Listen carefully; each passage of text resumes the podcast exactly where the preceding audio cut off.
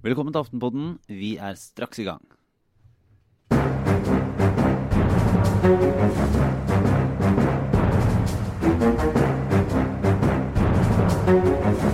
Eh, nei, men Da drar vi i gang med Aftenpodden for denne uken. Eh, vi er på plass i studio. Jeg er Lars Glomnes, og så har vi Sara Sørheim. Hallo. Hei, fikk jeg komme først nå? Ja, for nå har jo Trine Eilertsen, om ikke akkurat svikta oss, så forlatt oss for et par dager. Du er i Ålesund, Trine.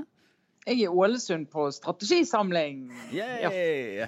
Ja, altså Uten å være indiskere her, skal vi bare si at du virker urimelig oppløftet eh, til å ha vært på strategisamling, Trine. Så det lover godt Ja. for eh, selskapets framtid. Ja, Vi vil jo nå takke alle som var på eh, liveshowet vårt på Sentrum Scene. Eh, Det var eh, veldig veldig morsomt. Det er alltid gøy når vi gjør de liveshowene, må jeg si. Jeg tror vi kan bare konstatere at vi har verdens beste lyttere og publikum. Altså, Jeg elsker alle sammen. Ja, det, er helt, det er så gøy for oss. Vi får lyst til å fortsette med dette her i 100 år jeg, på grunn av disse menneskene. Så, og det, vi kommer jo antageligvis ikke til å legge ut selve liveshowet, så det er en eksklusiv opplevelse eh, for de som var der. Eh, men vi, vi må jo ta nå og se litt på det som har skjedd den siste uka. fordi vi satt jo her natt til tirsdag, eh, Trine, og litt sånn halvtrøtte prøvde å få noe forstand ut av oss på, på hva som har skjedd i valget, og hva som var resultatene. Nå har vi Ja. hatt noen dager til. Eh, ser bildet likt ut nå, eller er det noe som har endra seg veldig i løpet av, i løpet av uka?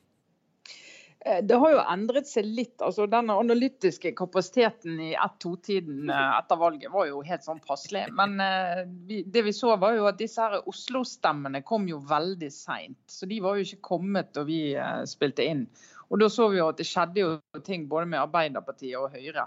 Eh, Høyre nasjonalt eh, kom over eh, 20-tallet igjen, og det er de nok sykt fornøyd med. Men faktum er at de har gjort det dårligere når du ser på byene og sånn, enn kanskje mange hadde faktisk greid å se da, til og med.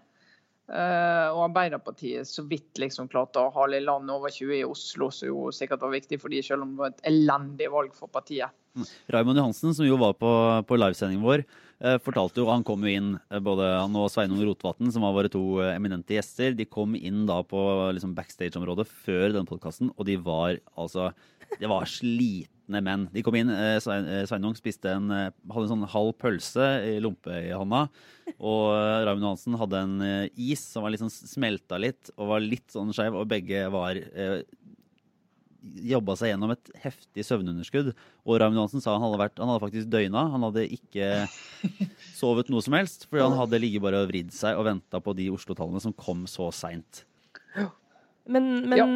det ga nok eh, kvelden, på tross av at den var uh, seig for Arbeiderpartiet i Oslo, det ga nok kvelden et, det ble en liten opptur på slutten der, fordi de klarte å komme seg over den magiske 20 %-grensa i Oslo. Og det er fortsatt, som Trine var inne på, et dårlig resultat for dem, men det er tross alt det ser bare så innmari mye bedre ut enn 19, som jo var resultatet da de eh, fleste gikk og la seg. Eh, og så står jo han altså En ting er at han var nok trøtt fordi han har døgna, det skjønner jeg, men jeg tror nok at jeg også ville blitt litt sånn trøtt med tanken på hva han står foran nå av forhandlinger.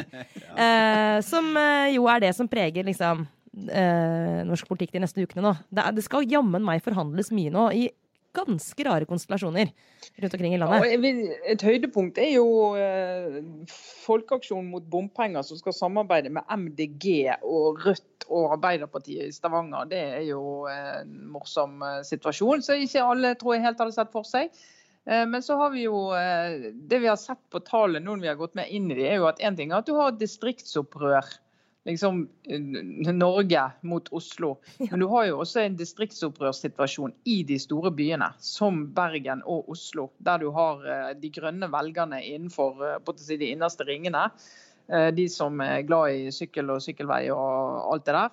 Og så har du et, et lag rundt der disse FNB-velgerne er. De som skal faktisk forholde seg til å reise inn til byen eller gjennom byen. da.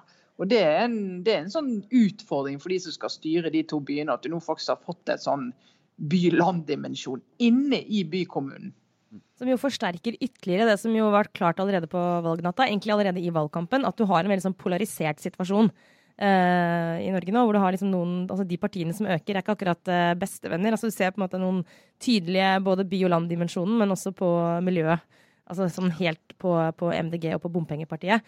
Eh, og det, det hjalp jo ikke den situasjonen at, eh, at Lan Marie Berg på valgvaka til Miljøpartiet, som vi var inne på på livesendingen vår, hadde sitt sånn Mad Queen Daneris-øyeblikk når hun skrek ut 'Vi elsker bomringer'. og en ting er nå at det er kontroversielt i landet for, sånn, totalt. Men det er klart, som Trine er inne på, det er også faktisk veldig kontroversielt i den byen hun er byråd i. Altså, I Oslo så har det jo veldig store spenninger mellom indre og ytre by. Så det Ja, jeg var jo inne på det. Det blir krevende forhandlinger. Det blir jo ikke enklere når den ene parten er helt sånn vanvittig høy på sin egen suksess, og tilsynelatende, da. Jeg skal ikke legge altfor mye inn i det, det var litt spøkefullt sagt, men det er klart. Det var mye, det var mye, det var mye Møllers eh, tran. Og så er det jo igjen mm. Ja, nei, vi snakket jo om eh, På valgnatten så omtalte vi jo dette som et klimavalg. og Det er jo litt mer sånn omdiskutert nå. Ble det faktisk det? Ja, MDG har hatt uh, fin fremgang, og i Oslo helt spektakulær fremgang. Men når du ser nasjonalt, så de, klimavennlige partiene Dette snakket jo Svein Rotevatn på hos oss. Uh, han sier når du summerer fremgangen til SV, Venstre og MDG, så er ikke det i nærheten av som f.eks. Senterpartiet sin fremgang, hvis du skal tenke at distriktsopprøret endte med å bli den store saken. da. Ja, og han, han, fikk jo litt hjelp i det resonnementet av å karakterisere Senterpartiet som et uh, antimiljøparti. Uh, og det kan jo være, det kan være ulike oppfatninger om. Ja, sammen med Frp og FNB. Ja. Uh, men er det ja, hvor mye, hvor mye tyngde eller hvor, er, er, det, er det klimadimensjonen eller distriktsdimensjonen som vil definere valget her, Trine, tror du? Jeg mener jo at distriktsdimensjonen på en måte er den viktigste forklaringen på hovedtrekkene i resultatene. Både nedgangen til Arbeiderpartiet og Høyre nasjonalt, så mener jeg distriktsdimensjonen er den klart viktigste. Men at du selvfølgelig har hatt mobilisering rundt klima og sånn. Men de store tallene mener jeg kan forklares med det. Mm. Eh, hvis vi nå skal bare ta et uh, lite øyeblikk og se bakover da, på denne, denne, valgkampen som vi har vært gjennom. Uh, hva, hva, er det som skiller seg ut, og hvordan kommer vi til å huske den, Sara? Altså, en uh, påfallende ting er jo at uh, de tabloide ordene sjokkmåling uh, Ja, egentlig først og fremst sjokkmåling, eller sjokkresultat, viste seg jo for en gangs skyld å holde vann. og det var jo to sånne definerende øyeblikk på tidlig sommeren og i sommerferien nå, hvor du hadde først den målingen i Bergen med Bompengepartiet på, som største parti. Det kom vel først en måling som viste dem som nest størst, og så kom det at de faktisk var størst. Eh, og så hadde du den eh, som vel kom seinere på sommeren, fra Nord-Norge, som viste at Senterpartiet var større enn Arbeiderpartiet i Nord-Norge. De to øyeblikkene der eh, trodde jo jeg da jeg så dem første gang, at kunne være noen sånne sånn freak accidents, liksom. Altså meningsmåling av instituttet som kollapsa, eller et eller annet. Det viste seg jo å holde vann. Så de to tingene, pluss eh, som vi har vært inne på tidligere i poden, eh, Fremskrittspartiets helt sånn vanvittige kålbøtter på slutten der. Eh, hvor, hvor, de prøvde absolutt å tømme hele verktøykassa samtidig. Eh, og så kan du legge på en dash regjeringskrise så har du for så vidt oppsummert seks ganske spesielle uker i norsk politikk. Jeg vil jo si at den, eh, et, av, et, av, valgkveldens absolutt største øyeblikk var jo, var jo denne igjen jeg bare Hver gang får se denne videoen på, fra ABC Nyheter av uh, bompengepartiets representant, eller hva skal man si, valgvakedeltaker, som står og synger denne skålen til Trym Aafløy. Det, det, blir, det blir ikke lei av han. Har vi lagt ut den på Facebook-siden vår? Eh, nei, det tror jeg faktisk ikke, så det skal vi gjøre. Det blir en gave til dere, den, kjære lyttere. Det står der som et, som et, sånn, eh, som et varsko og en mulig det sånn, Dette kan være fremtiden til bompengepartiet og bergenspolitikken. Som om ikke det var vanskelig nok fra før. Veldig bra. Ja. Men vi får jo eh, se eh, litt på altså, Arbeiderpartiet og Venstre. To eh, partier som, eh, som, må sies å være noen av valgets tapere. Eh, nå er det jo sånn at venstreledelsen, hele gjengen, er på valg på landsmøtet de har eh, til våren. Så innen 15.10 så må hele ledelsen si fra om de tar gjenvalg. Og da er det jo Det valgresultatet som kom nå, har vel ikke gjort det mindre sannsynlig at det blir en lederdebatt. Og, og Sondre Hansmark, leder i Unge Venstre, var ute nå også i dag og sa at ja, her kan det trenge, trengs nye og yngre krefter, og pekte på Guri Melby og eh, nettopp Sveinung Rotevatn. Ja, Han pekte jo ikke på Abid Raja, det går jo an å merke seg. Men han står jo på listen til veldig mange andre som eh, spekulerer i dette. Og det er mange i Venstre som ønsker seg Abid Raja inn i ledelsen på en eller annen måte. Eh, og Dette var jo tema før landsmøtet i år også. Litt ødeleggende i oppkjøringen til landsmøtet til Venstre, ikke minst fordi det var jo ikke noe valg eh, i år. Så de brukte jo, tok ut litt krutt i år, så nå skal de gjøre det en gang til. Så det er jo taktisk. Men jeg klarer ikke å se for meg annet enn at du får en solid utskiftning i venstreledelsen. Kan hende en av de går videre. I så fall så er mitt tips at det blir Ola Elvestuen. Men jeg tror det blir en tøff diskusjon om hvem av f.eks. Abid Raja og Guri Melby de skal satse på. Ja, det var allerede før dette valgresultatet. Da gikk det jo ikke så bra heller i, valgkampen. Så var det jo en del folk i Venstre som, som sa at det, det, ligger an til at Trine Skei Grande gir seg før 2021-valget.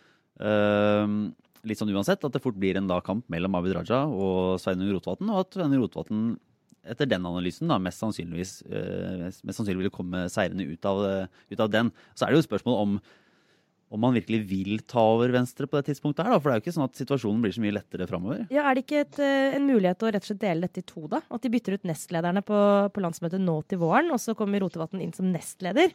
Eh, I og med at han, han, er jo tross alt fortsatt ung, og selv om han ikke er uerfaren, så kan man kanskje diskutere liksom, om han har nok erfaring til å ta over partiet osv. Så, videre. så er han nestleder et år. Og så kan Trine Skei Grande gå av våren 2021, før valget. Er det en mulighet? Ja, det er bare å tenke at det er jo en uh, fordel for et parti å ha en partileder som altså, har litt mer enn de få månedene fra landsmøtet til valget, og bygge seg opp og liksom reise rundt og gjøre alt det som de skal. Men hvis Sveinung eh, Rotevatn liksom tjuvstarter som nestleder, og gjør det først et år som nestleder, og så tar han liksom det siste skrittet og fullbyrder det våren 2021 Er dette den potensielle også sånn Sylvi Listhaug og Siv Jensen-modellen for 2021? Den, ja, eh, jo, men eh, faktisk. Men det er jo ikke Det går an å tenke seg. Ja. Men, det er jo, men det er jo, altså, så er jo spørsmålet altså Venstre de, sant, de fikk 3,8, de er under sperregrensen. og som, eh, Det har jo skjedd mange, det har jo skjedd omtrent annethvert valg i, i, vår levetid. At de har gått uh, under sperregrensen. Så det er nå liksom sånn de holder på med. Men det er jo altså Hvis de nå skal gå med troverdighet og si at de skal prøve å fange nye velgere og de skal liksom prøve å komme seg opp igjen, så kan det jo hende at uh, Trine Skei Grande også tenker at det er tid for å slippe andre til. Og så at du kanskje har en mer rutinert enn i nestlederposisjon. Det går an å, det går an å se for seg, i hvert fall. Det er, det er jo et spørsmål hvis man ser at uh, hvis utfallet ser ut til å være det samme, så er det vel sånn å vente et år til mens det uansett ikke blir så mye lettere. Mm. Uh, så er det jo ikke bare bare å se gevinsten i det heller. Uh, ja, så husker vi jo han Trygve Slagsvold Vedum som overtok et Senterparti i ruiner. Mm. Fullstendig. Uh, og har jo da, da begynner du liksom Du har ingenting å tape, da. Du kan liksom gå ut uh, med friskt blikk og prøve å bygge opp partiet og en ny stil og bygge en ny profil. Altså, de, de, trenger jo De har jo bare tiden og veien frem til 2021 hvis de men, tror men, det har noe verdi å skifte leder mm. også pga. det. De må jo ha sittet i Venstre og, og, tenkt nå har det vært et, uh, vært et miljøparti og et klimaparti lenge. Og så kommer MDG og egentlig kjører litt på en sånn derre De gir seg ut for å være i hvert fall et sentrumsparti, selv om de stort sett uh, samarbeider til venstre. Uh, men dytter opp klima og miljø først. Tror du det sitter noen i Venstre og tenker at dette kunne vært oss, eller eventuelt at dette kan være oss? det er helt, helt sikkert. Helt sikkert noen i Venstre som tenker det og det å stå utenfor regjering. Da kan du kjøre mye hardere på egen politikk. Og, og de, men nå har de jo prøvd både å ha en samarbeidsavtale med regjeringen og være inne i regjeringen. og Det har ikke gitt veldig mye ute hos velgerne. Og Sist de var i vekst, så var de jo utenfor regjering. Sant? Så du kan jo ja, men det, da hadde de jo heller eh, også minimalt, for å si ingen, innflytelse. Mm. det er sånn her, Vil du være et ganske lite parti med null innflytelse, eller et mikroparti med litt innflytelse? Det er jo ja. slags Grusomt dilemma. Men jo men, men, men, fordi det leder oss jo også over på, uh, som vi jo ikke vet, men det er jo fristende å spekulere i hvorvidt vi har den regjeringen vi har nå om to år, eller om det kommer til å nettopp bli sånn at én eller flere deltakere i regjeringen av de partiene vil tenke at vi, vi, må ut for å øke sjansene for ikke å gå på et, et, nytt katastrofevalg i 2021. Da. Ja, I Frp så var de ute allerede i dag og sa var vel han Frank Sve i Møre og Romsdal, eneste fylke der Frp gikk fram Eh, sa at eh, her, nå fikk vi noe på bompengesaken til slutt. For det selger de jo da som en seier. Men det er flere områder Frp må gå inn og altså Jeg husker ikke helt hvordan han formulerte seg, men måtte gå inn og ta, ta en fight igjen, eller få mer. da. Og, og, det høres jo ut som at de da vil gå tilbake og egentlig inn igjen i eh, Granavolden-erklæringen og se på andre politikkområder der de mener at de skal få mer. Uh, og så er det vel sånn at hvis uh, Frp basert på dette valgresultatet vil gå tilbake og kreve ting, så vil jeg tro at de sitter i KrF og Venstre også og sier at uh, ja, dette har jo ikke akkurat fungert optimalt for oss heller. Så hvis noen det- skal begynne å hente seire, så må altså- vi ta en runde til. Da undergraver du hele poenget med en regjeringsavtale. Ja, men det har de gjort hele tiden. Poenget med å lage seg en regjeringsavtale er jo å si at her er rammen vi jobber innenfor. Nå må vi holde ut. Ja, men hvordan synes du det har gått? det, da har det alternativet på den siden av streket null troverdighet i all fremtid. Det, går, det, det, bare, det mener jeg helt håpløst hvis de nå skal begynne å reforhandle ene punktet etter det andre Granavolden. Så skjønner jo jeg at det er ingen som bryr seg om at jeg sier det. Men uh, gud bedre. Ja, men hva, hva er alternativet da? Hvis du tenker at de skal Hvis du er et, et lite øyeblikk så er det en strateg for, for regjeringen. Så tenker du ok, nå har vi sett, vi har sett kommet inn, vi er fire partier i regjering. Alle taper på det. Eh, hvordan er det altså, Greit nok at de vinner de altså, ikke sånn, men det greit nok at, at eh, folk som tenker sånn, sånn at de vil belønne standhaftighet og, og, og, og sånne ting, og tenker at eh, her er det veldig, sånn, er veldig styringsdyktig å bare fortsette å lide seg gjennom det. Veldig sånn protestantisk norsk eh, holdning på at dette det går bra til slutt, vi får vår lønn i himmelen. Men det, er jo, det er jo ikke så mye som tyder på det. Hvordan er det de skal få selge inn det, da? At de bare skal fortsette? Nei, altså jeg mener jo for det første at det er jo helt uansvarlig selvopptatt å tenke eh, velgermaksimering når det er valg om to år. Landet trenger en regjering. Nå må du få svingende holde ut når du har fått den tilliten. Eh, Så det mener jeg er sånn be a grown-up, liksom. Og så eh, er det jo det at hvis noen da liksom går ut med det målet for øye, da, så har jo den andre siden altså Hvis du snakket om borgerlig kaos i 2009 og 2005, og da var jo det et godt og reelt og ordentlig tema. For det var ikke noe regjeringsalternativ på den siden. Så blir det jo, får du i hvert fall fyr på kjelen nå. Og da blir det bare flytta hele fokus, fokus fra det vi sikkert skal snakke om om en stund, om eh, samarbeidsmulighetene på, på rød side. Og så vil jo Høyre, da, hvis de sier OK, alle går ut av regjering, vi, vi skal vi sitte igjen alene da, og så styre fra sak til sak i Stortinget, så blir det jo litt sånn Takk for hjelpen. Skal de sitte og ta på alle oppslutning frem mot valget, mens alle de andre liksom skal makse oppslutning? Det er jo ikke noe alternativ igjen da på den siden. sant? Men jeg har litt sånn inntrykk det er dødt. Men er det ikke også litt Eller jeg får litt følelsen, Trine, av at det nå pga. Liksom, åtte år at det er veldig sjelden at en regjering skal kunne klare å vinne makta igjen etter åtte år. Pga. regjeringsslitasje og liksom bare mm, naturgitte omstendigheter. Så jeg får liksom følelse av at vi er over en litt sånn teknokrat. Altså Nå sitter de og administrerer dette landet i to år til, men at altså, er det noen Finnes det ett menneske i hele det regjeringsapparatet som virkelig tror at, eh, de, at de skal bli gjenvalgt? Altså, da må den personen stand up, for å si det sånn, og, og melde Jeg, seg til jeg, jeg tjeneste. mistenker at Erna Solberg tror det, Hun tror sikkert det. faktisk. Men det er at Og så kan du jo håpe på at det går skikkelig galt på andre siden. Det har jo hjulpet før. Ja, det er Så sant. du kan liksom håpe på ytre faktorer, da. At de skal, de Mm. skal hjelpe deg. For en, Men, eh, mm, en annen ytre faktor Arbeiderpartiet har jo hatt to elendige valgkamper på rad, så de kan jo håpe på at de har en til. Ja, for det, en annen ytre faktor er jo da Arbeiderpartiet, som, eh, som går tilbake over hele linja. Nå vinner de storbyer og, og samarbeider og, og selger både sjeler og hester og bestemødre for å få ordførere og makt eh, over det ganske land. Men, eh, men de går jo tilbake. Jonas Gahr Støre, nok en dårlig valgkamp. Eh, urolig parti. Eh, Vi hadde jo da Raymond Johansen, byrådsleder, som vant på riktignok litt sånn halten inn over eh, målstreken der. Eh, Makta igjen i Oslo, første gang på 50 år, eller hva det måtte være. Du har jo sagt, Trine, at han ville vært en god leder for Arbeiderpartiet. Tror du at det, Ja, kan, tror det. kan skje? Ja? Nei, altså Om det kan skje det vet jeg- for, for Arbeiderpartiets skyld da, så tror jeg ikke at de skal sette i gang med noen sånn lederdiskusjon nå. Jeg vet ikke om det er den rette oppkjøringen til valget i 2021. Men hvis de nå skulle gjøre det, og hvis de nå skulle bestemme seg for at eh, vi må ha en annen, så tenker jeg jo han er jo en super, eh, superkandidat. Uh, fordi at han, han har jo gjort en uh, god jobb i Oslo. Det er litt sånn rart å si når partiet har falt så mye som det har falt. Eh, Men det har, han klart å bygge bro eh, til eh, MDG, liksom vist at Arbeiderpartiet kan styre med de, og Det vil bli en diskusjon i fremtiden om de skal ta det nasjonalt og hvordan de skal forholde seg til det. Han kommuniserer jo utrolig godt og treffer kjernevelgerne i partiet tror jeg utrolig godt. Og Han er veldig ærlig og åpen kommunikatør. da. Hvorfor det? han Altså, er en hvordan, utrolig flink politiker. hvordan er det? Hva er det du mener han gjør sånn kommunikasjonsmessig som, som fungerer? Nei, altså Han er jo åpen om eh, ting de eh, ikke får til. Han er åpen om valg de har tatt og dilemmaer de har stått i. Eh, Og han altså Jeg syns han fremstår rett og slett veldig ærlig og åpen da, som politiker. Da, da må jeg legge til at uh, det var et sånt lite øyeblikk uh, da vi gikk altså På Sentrum Scene så er det bare sånn utrolig lang vei. Vi rota oss jo bort uh, flere ganger mellom det som er liksom, backstage-området og det som er scenen. du må gå gjennom sånne trange, trange, lange korridorer med sånn vannrør og ventilasjonsrør og masse greier. Og det var et sånt øyeblikk som var litt sånn definerende for meg. Hvem er Raymond Johansen som politiker? Når vi gikk ut der, og selv om han da så ut som han uh, skulle sovne hvert øyeblikk, så la jeg merke til at han rett før vi kom på scenen, så løfta han hånda, og så dunka han litt sånn hardt inn i et vannrør. Så dere det? Nei. Og så jeg bare fanga det opp sånn Jeg tror ikke han tenkte det var en automathandling. Og så sa jeg bare Men du er rørlegger, du. Og han bare 'hæ? Ja?' Fordi han helt ubevisst bare sjekka kvaliteten på det vannrøret. Eh, og så sa jeg jeg trodde det var noe strategene i partiet som hadde funnet på. Altså Jeg har aldri tatt helt på alvor. Sånn, er han faktisk rørlegger?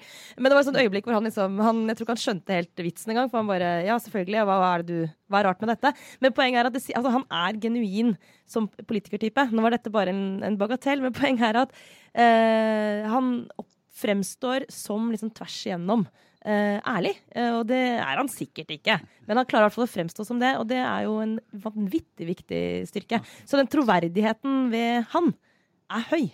Til og med rørleggerhistorien. Ja, Nå tror jeg nå på den 100 og For et par år siden så var det litt sånn snakk om at uh, da det var virkelig sånn lederdiskusjon i Arbeiderpartiet, så i hvert fall et par jeg snakket med sa at uh, ja, men Raymond kommer jo til å miste masse i Oslo. Vi ser jo det, det synker og synker. Vi kan jo ikke gå til valg på en leder som har tapt uh, Oslo. Men nå har han jo, og han er jo sjøl veldig flink til å spinne, at tapet ble en seier likevel.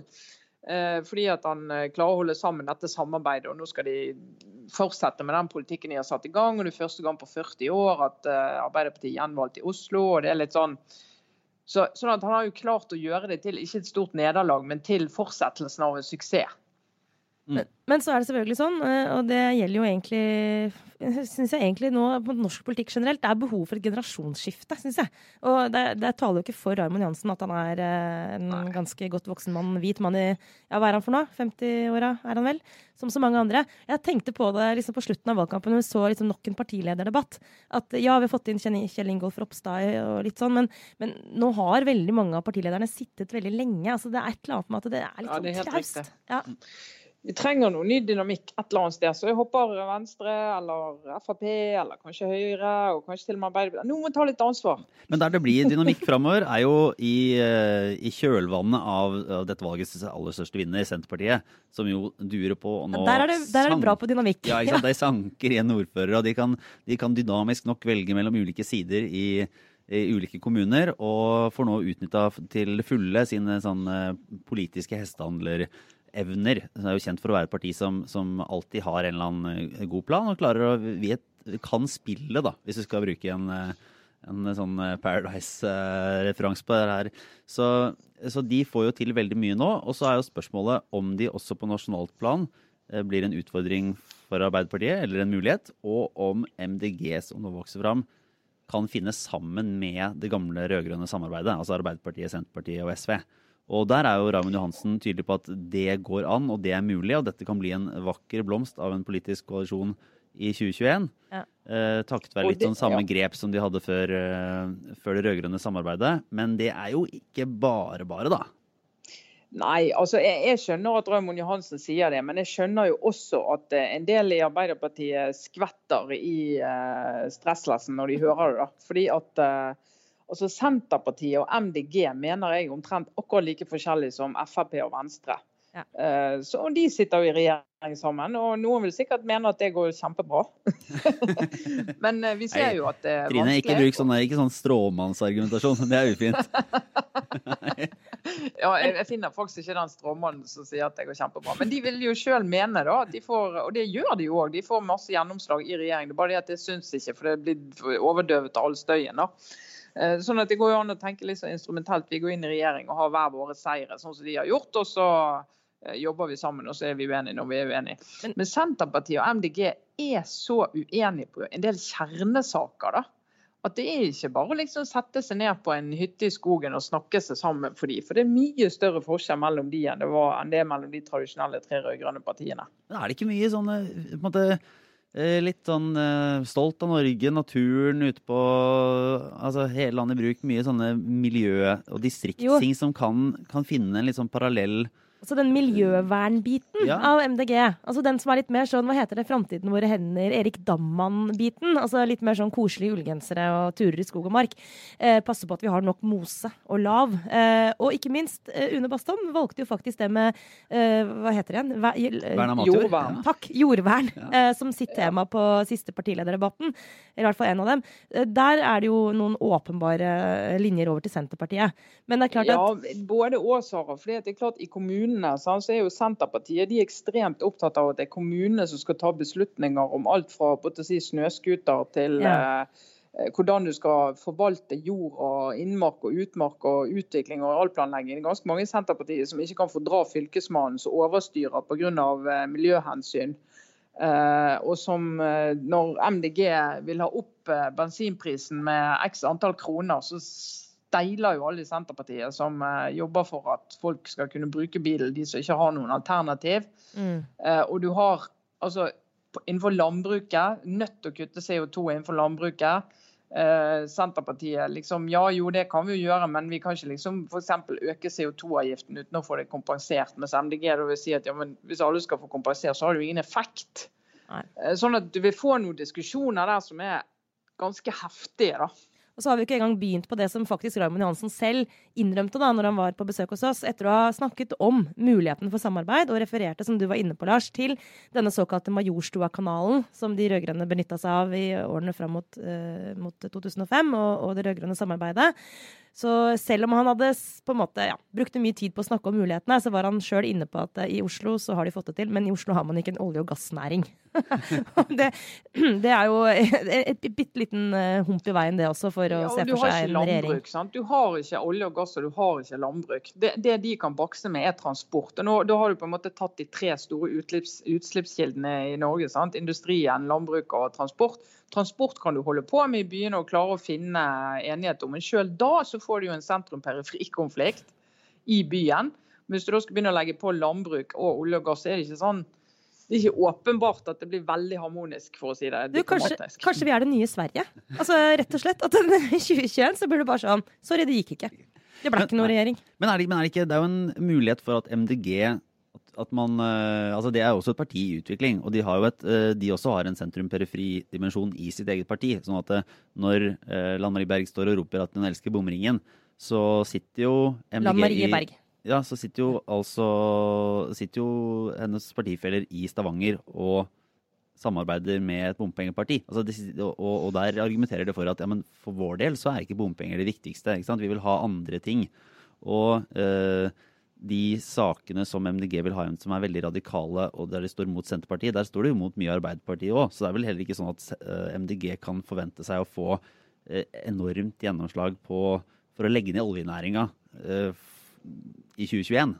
Det er vel, er vel kanskje heller å være men, et men De eh, har jo kjørt litt sånn ultimatum på å legge ut nye leteområder for, eksempel, for oljenæringen. Sant? Og signalisert at det er et ultimatum for å, for å gå i regjering. og det det er jo eh, ganske vanskelig for et Arbeiderparti å forholde seg til. Men det er klart det er to år igjen. De skal snakkes igjennom alt det her. Mye rart kan skje. Men med en gang MDG eh, skal, skal, hvis de skal gå i regjering og si at ja, vi får litt på miljø, men det er mye annen politikk som òg er viktig, så er det jo blitt, da er det jo blitt et helt vanlig parti. Men de Altså, kan da er det jo ja. der som SV og Venstre. Men de kan jo følge strategien til Rødt da, i Oslo og, og egentlig på, på Stortinget. Altså, det var jo folk i, i Rødt som var bekymra nesten i Oslo for at de skulle bli for store. For da måtte de gå inn i et byråd, og, og, og det ville ødelegge strategien med å være et tydelig eh, parti på utsida som skulle prøve å få gjennom endring. Eh, MDG eh, vil de egentlig gi regjering i det hele tatt? De kan jo stå utafor og være tydelige og rene og ranke og MDG-aktige i fire år fra 2021, men fortsatt være en del av et parlamentarisk grunnlag for en Arbeiderpartiet, Senterpartiet, SV-regjering? Ja, ja, absolutt. Det er mange sånne muligheter. De har jo sagt at, de, at det er tenkbart for de å gå i regjering. Så de, det, jeg tror det er noe med når du begynte å ha hatt litt ansvar, at du begynner å se at du får gjort mye mer i regjering enn utenfor regjering. Hvis du ser bort fra hva som får oppmerksomhet, men hva som faktisk skjer, da, så er det jo alltid en fordel å være på innsiden hvis du virkelig ville ha gjort mye. Eh, Da tror jeg vi går over til en runde med litt obligatorisk eh, refleksjon. Eh, Du kan jo begynne, Trine, der du sitter i Ålesund og ser utover Eller hva ser du opp på? Den, der, den sukkertoppen i Ålesund? Er det der? Ja, Er ikke det Rio de ja, Janeiro? nei. Jo, men det De har noen aksler, har de, men jeg ser Ja. ingenting. Jeg ser bare, men de har veldig mye sånne fine jugendbygninger i i Ålesund, vet du. For de vet jo alle at den brant i 1904, sant? Ja, ja, Så kjempefin by. da erstattet de mange av de gamle husene med disse her flotte jugendhusene. Så det er jo derfor den kalles for Jugendbyen. Veldig fin by, Ålesund, det må jeg si. Og så havet rett ut da. Veldig bra. Men eh, begynn med obligatorisk refleksjon, dere, for jeg må tenke på min. Du, vi kan jo reflektere litt over, for siden lage en myk overgang fra mm, norsk politikk til eventuelt andre temas som dere måtte trekke inn. Ja. Så kan vi jo bare bruke to minutter på å hedre valgkampens vinner, hvis vi først skal liksom, oppsummere. Hvis vi skal kåre noen. Altså den Ja. mest oppsiktsvekkende, spektakulære og også overraskende hva skal vi si, eh, strategien i denne valgkampen, om det nå var en strategi eller ikke, det eh, mener jeg, der er det ingen tvil om hvem som stikker av med seieren, det er Instagram-kontoen til Olaug Johanne Bollestad. Det er et vakkert lite eventyr Ja. fra det politiske Norge, og uh, fra Norge og fra det lille, det lille nå, det, var sånn, det høres veldig nedlatende ut, det lille livet, men det var ikke det jeg mente. Altså, men den, lille, den lokale lille tilværelsen i sommerferien til Olaug Bollestad, der hun har tatt bilder, ikke minst bare dokumentert omtrent minutt for minutt eh, seg selv mens hun sover i bilen og, og spiser mat og gjør liksom, Det er så tett på. Men også eh, denne eh, flotte mannen til Olaug Bollestad. Som, Som har veldig lite, generelt veldig lite klær på seg gjennom sommerferien. Han trives i bar overkropp. Eh, Det er det ingen tvil om. Og denne, denne eh, Instagram-kontoen som har fått en del oppmerksomhet nå Vi hadde blant annet, brukte litt tid på det på vår livesending. Jeg ser andre trekker det frem også. Eh, dere må bare sjekke det, folkens, som ikke har gjort det. Det er jo, vil jeg påstå, altså virkelig, eller vil understreke at det ikke er ondsinna ler av den. For jeg liker så godt at hun er sånn som hun er. Det er bare det at det er så sjokkerende fordi politikere på Instagram er jo eh, stort sett veldig sånn Det er det veldig mye regi på. Altså, de har jo folk som poster for dem. Og når de prøver å gjøre det sjøl, så er det ofte liksom, litt sånn kleint, fordi de er folkelige på feil måte. Sant? Det blir sånn kunstig. Eh, men, men det er ikke noe kunstig med Olaug Bollestad sin Nei, konto. nei, det Den er om noe Det er oversharing.com, da, men det er gøy og, og helt, helt, helt Altså, det er så rart. Jeg ante ikke at hun hadde alt dette å by på. Nei, altså hun har Jeg Olaug Johanna jo, Johanna jeg mener jo at Instagram. Olaug Mm. Bollestad sin eh, Instagram-konto er et argument mot eh, elitekritikken i Norge. For hun er en del av eliten, men når du ser den Instagram-kontoen, så tenker du ja, men vet du, de, en del, god del av Norges elite, det er veldig vanlige folk. Og heldigvis for det. Så eh, kan du bare anbefale alle å takke Olaug Johanna, som eh, er navnet på Instagram, for, eh, for mye, mye glede og varme gjennom eh, denne valgkampen. Det er, det er helt strålende. Jeg kan jo eh, ta en liten, eh, en liten bit eh, her, fordi jeg har jo sett på Netflix Jeg varsla egentlig det her for noen uker siden. Så har de nå den eh, dokumentarserien The Family. Ja, Dette Lars, har du vært veldig opptatt av eh, de siste ukene. fordi at eh, dette er en rar og snirklete historie som liksom er en blanding av ditt eget liv og liksom storpolitikk. Ja, for nå har de da laget en Netflix-serie i en sånn fem-seks episoder som handler om en mm, litt sånn merkelig eh, religiøs eh, gruppe som har infiltrert eh, måte Washington DC helt inn i Det hvite hus. Og de driver med Det er sånne små bønnegrupper som eh, styrer opp og rydder opp i politikeres skandaler og anklages for å være eh, dypt involvert i masse snusk og litt sånne teokratiske eh, strømninger i USA. Men det, Det er som er fascinerende kristne, altså Veldig sånn- kristne. ja. Veldig kristne. Det er ikke muslimer, Eh. det er, de er ordentlig De er sånn konservativt kristne, hvite Ja. Ja. Og ikke minst så er opphavsmannen til hele dette her da, er en sånn utvandrer fra, fra Vestlandet. Eh, Abraham Vereie. Som reiste over til Seattle og starta dette og endte opp som en sånn sjelesørger for den amerikanske presidenten. Det er da min Hva blir det her da? Han er en, liksom han er, det er min slektning, så det er min familie, dette her. Så han er ikke sånn direkte linje, men han er vel onkelen til min morfar. Sånt, så han sånn, har vært en sånn familieskikkelse. Og nå dukker det opp da, med hele den gjengen. Og jeg var jo, da har jeg vært og reist rundt i USA etter at jeg studerte, så tok jeg noen måneder og loffa rundt i USA, og da møtte jeg flere av den gjengen. Så jeg har vært på de husa, da.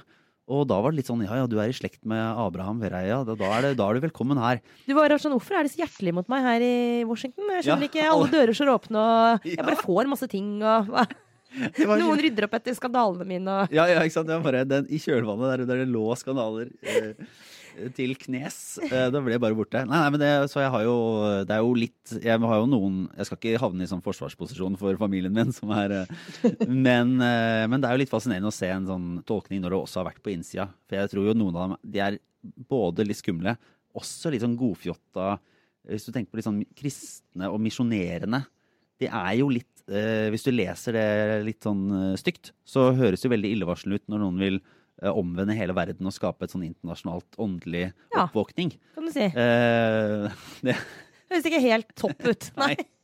men det er jo ganske sånn- Fra en sånn eh, norsk eh, misjonstradisjon så er det en veldig sånn, enk, sånn vanlig holdning å ha. Til at ja, Du må jo selvfølgelig gå ut og omvende folk. Og det her har de da jobba med at de skal omvende og frelse lederne. da, Og det er jo et de mangler kanskje et sånn maktperspektiv i noe de driver med. Fordi, Men de holder på fortsatt, for den serien her den går gjennom liksom denne her The Family, som også er da din familie, sin på en måte opp gjennom historien, hvordan de har vært liksom i maktkretser i Washington. Men er de fortsatt aktive? det tror jeg, men akkurat hvor altså Ja, de arrangerer jo fortsatt den nasjonale bønnefrokosten hvert år, f.eks. Som alle presidentene er med på. Uh, så jeg, jeg tror de holder nå på med sitt, da. Og, og arrangerer. Det er i hvert fall Men den, eh, den, eh, den er jo i hvert fall hvis man har, eh, er interessert i sånt, så er den fascinerende, den, den dokumentaren. Altså The Family. Ja, og- Også, Den har jo også vært i det norske nyhetsbildet tidligere, fordi uten å gå i detaljer på det, så Tore Gjerstad som den gangen, han er nå politisk reporter i Dagens Næringsliv, men var den gangen reporter i Dagbladet, lagde en sak på eh, eh, Bondeviks hemmelige brorskap. Ja, Kjell Magne Bondevik har vært involvert i dette. Eh, Nå vet jeg ikke om det er med i dokumentaren på Netflix. eh, Eh, Nei, men det er faktisk ganske mye fra Norge, fordi at de har jo hatt tilknytninger. Og en Lars Risa, en tidligere stortingsrepresentant fra KrF, var også uttaler seg i den saken. da. Som, man han mener jo dette er tipp topp, tommel opp, eh, strålende prosjekt da, som bare er bra og, og veldig imponerende mennesker og sånn. Så det er fascinerende. Og du da, Trine, åssen går det bort på Jo, Jo, vet du hva, da tenkte jeg at jeg skulle dele litt Når jeg ikke har hatt hodet mitt nede i valg, og når jeg har syklet eh, til og fra jobb og sånn, så har jeg hatt eh, på elsykkelen min, kan jeg jo da legge til, ja, så har jeg hatt en eh, podkast på øret som jeg må få lov å anbefale. Og det er 1619, 1619, som eh, ankommer i feeden til Det Deilig. Men det er en serie som kommer egentlig hver lørdag kommer en ny episode, og som egentlig tar utgangspunkt i slaveriets historie i USA.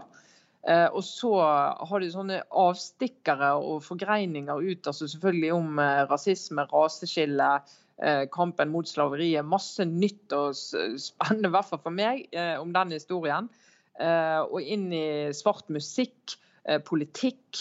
Eh, og er så godt fortalt og er så eh, meddrivende og suggererende hele Både måten de har lagt musikk på, og fortellerteknikk og alt mulig. Så jeg må bare anbefale. 1619. Den har jeg også hørt eh, litt på, og det er annet en veldig fascinerende utgave om hele si, slaveøkonomien, og hvordan, hvordan det var med å etablere hele det økonomiske systemet i USA, og hvor viktig del det var. og en helt sånn, Hvor absolutt basert på, på den industrien hele økonomien var på et tidspunkt. Og hvordan det da måte hadde tatt opp i alt alt. holdt på å rakne, og det var krakk. Og, og hvordan de mekanismene Det er ting vi kjenner igjen i dag, men i selvfølgelig en helt annen økonomi. Da. Men altså, det er gjenkjennelige tegn.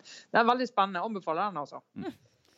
Takk, jeg trenger noe å høre på, faktisk. Så det, var, det satte jeg stor pris på. Nå kjente jeg Ja. at det er sånn eh, Nå, nå tenkte jeg ja, jøss, det var bra. Ja. Endelig litt, eller litt fornøyd med å sitte og prate med dere dagen lang. Nei, men da tror jeg vi runder av for denne gangen. Eh, Så får du ha veldig god tur eh, tilbake til Oslo, Trine. Da har dere strategert, eh, lagt planer for oss småfolket på bakken. Og det satser vi. Vi krysser fingrene for at det går bra. Ja. Ja. Eh, tusen takk for i dag, Sara. Jeg var Lars Klomnes. Det var Aftenpodden. Ha det bra.